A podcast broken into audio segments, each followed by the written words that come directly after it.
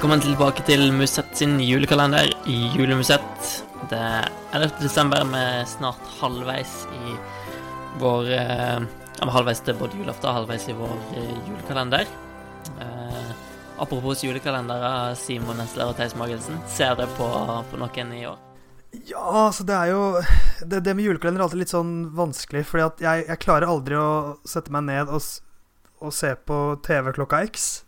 Eh, men nå er det jo den, den er han litt forbi, så sånn Jeg klarer ofte å følge med på, på nett, men det blir aldri sånn én om dagen. Det blir sånn Ser to her, ser tre her, ser én her, og så går det en uke, og så må jeg se syv stykker. Det er litt sånn jeg ser på julekalender. Jeg skal vel si at uh, jeg har ikke akkurat sett så mye på julekalendere siden Siden min barndom, for å si det sånn, da. Da var det jo selvfølgelig et fast innslag klokka seks, men tidene forandrer seg jo litt. Ehm, så ingen julekalender for meg gjør på TV. Enn du, Knut? Ja, altså, jeg har jo kids, da, så uh, jeg, kan ikke si at jeg følger med, men sett nå på, på litt til de snøfallet, er ikke det heter? Følger nok med, du òg. Kom igjen, barn, nå skal vi se på Nei, vi vil ikke. Jo, nå skal vi se. Er det sånn det foregår? Ja, det er ikke helt der ennå, men uh, har du klart å få dem til å se på eh, Julie Blodfjell eller Nissene på låven eller sånne ting som er litt mer humor? Ikke helt, uh, ikke helt ennå.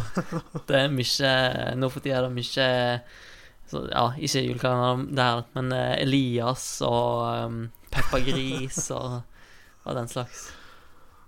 Men, hva, hva, hva er favorittjulekalender? Jeg tror kanskje 'Nissene på låven', altså, med Julie, Julie Blodfjell som en, en som er på og nikker, av de nyere. Hvis vi tenker på bar barn fra barndommen? På barne, barnenivå, ja. Uh, det er jo Julie, Julie, Blåfjell, da. Det var jo uh, da jeg vokste opp, det store. Så kanskje den. Ja. ja.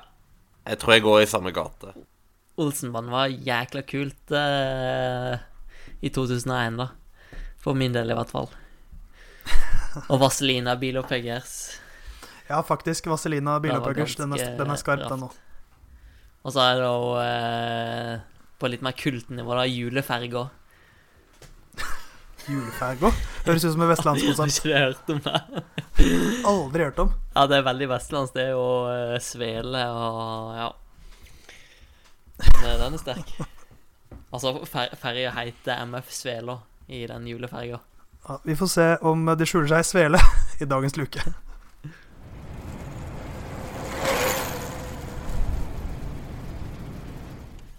Vi har kommet til den 14. beste rytteren i 2019 på vår liste.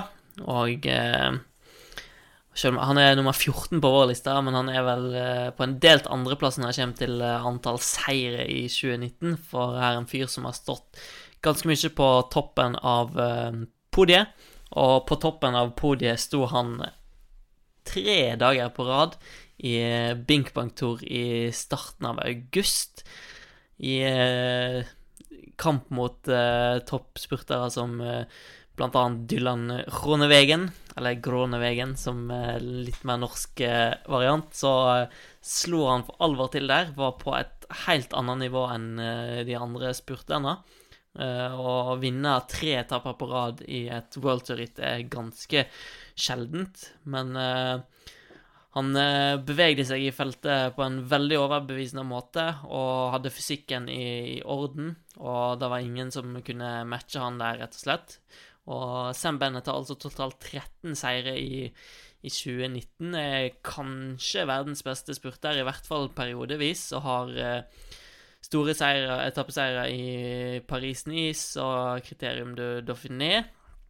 Og eh, så avslutter han jo han kjører, kjører, VM da og fullfører ikke der, men uh, ellers så er Welton hans uh, siste ritt, der han tar uh, to etappeseiere der òg. Så alt i alt et veldig solid år for, for Sam Bennett, som på en litt sett og vis er litt ute i kulda i båra gjennom sesongen med tanke på rittprioriteringer. For det er det som er kanskje mest imponerende med hans sesong, er den kombinasjonen med litt sånn utfordrende situasjon i laget, og samtidig at han leverer så til de grader. Uh, som du sier, 13 seire, 11 av dem på World Tour-nivå. Det er uh, et tegn på at han ikke er noen sånn flat track bully heller. Han er ikke bare en sånn rytter som drar til små ritt og vinner masse der. Han vinner i store anledninger. Uh, de to andre seirene hans som ikke er World Tour-seier, det var en etappe i Vuelta San Juan. Og, og da det, det, irske mesterskapet. Og det irske mesterskapet er jo også en, en seier som betyr ekstremt mye for han.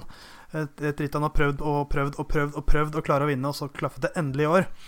Så um, Sam Bennett, også en spurter som ikke bare er en ren spurter. Han har flere ganger vist at han kan, uh, kan henge med i litt mer kupert terreng, i litt uh, hardere ritt. Så en, en rytter som har blomstret de siste årene. Altså jeg vil jo påstå at høydepunktet hans i år er jo egentlig uten tvil eh, Hammer Stavanger, hvor han herja i Hammer Climb og var den ja, Var den desidert beste i første halvdel, og så gikk han så næringstom så jeg tror han aldri har gjort før, omtrent. Nei da. Men uh, han har absolutt et uh, veldig godt uh, spekter og tatt steg i, i bakkene som gjør at han når han nå sannsynligvis Det er jo ennå ikke klart, i hvert fall når vi spiller inn denne podkasten. Når han sannsynligvis nå da går til Deconic Quickstep, uh, så vil han jo òg nok kunne få flere sjanser i disse ja, flatere uh, World Tour-rittene, altså endagsrittene, da. Så da kan han bli vanskelig å slå der.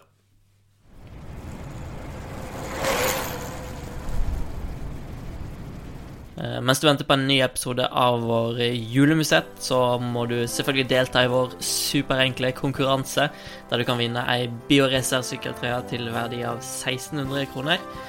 Eh, du deltar enkelt ved å dele din topp tre-liste av kvinne- og herreryttere. Eh, da deler du enten på Facebook, på Twitter eller på mail, f.eks. Post at procycling.no. Og så er du med i trekningen av den trøya. Så er vi like rundt hjørnet med en ny episode.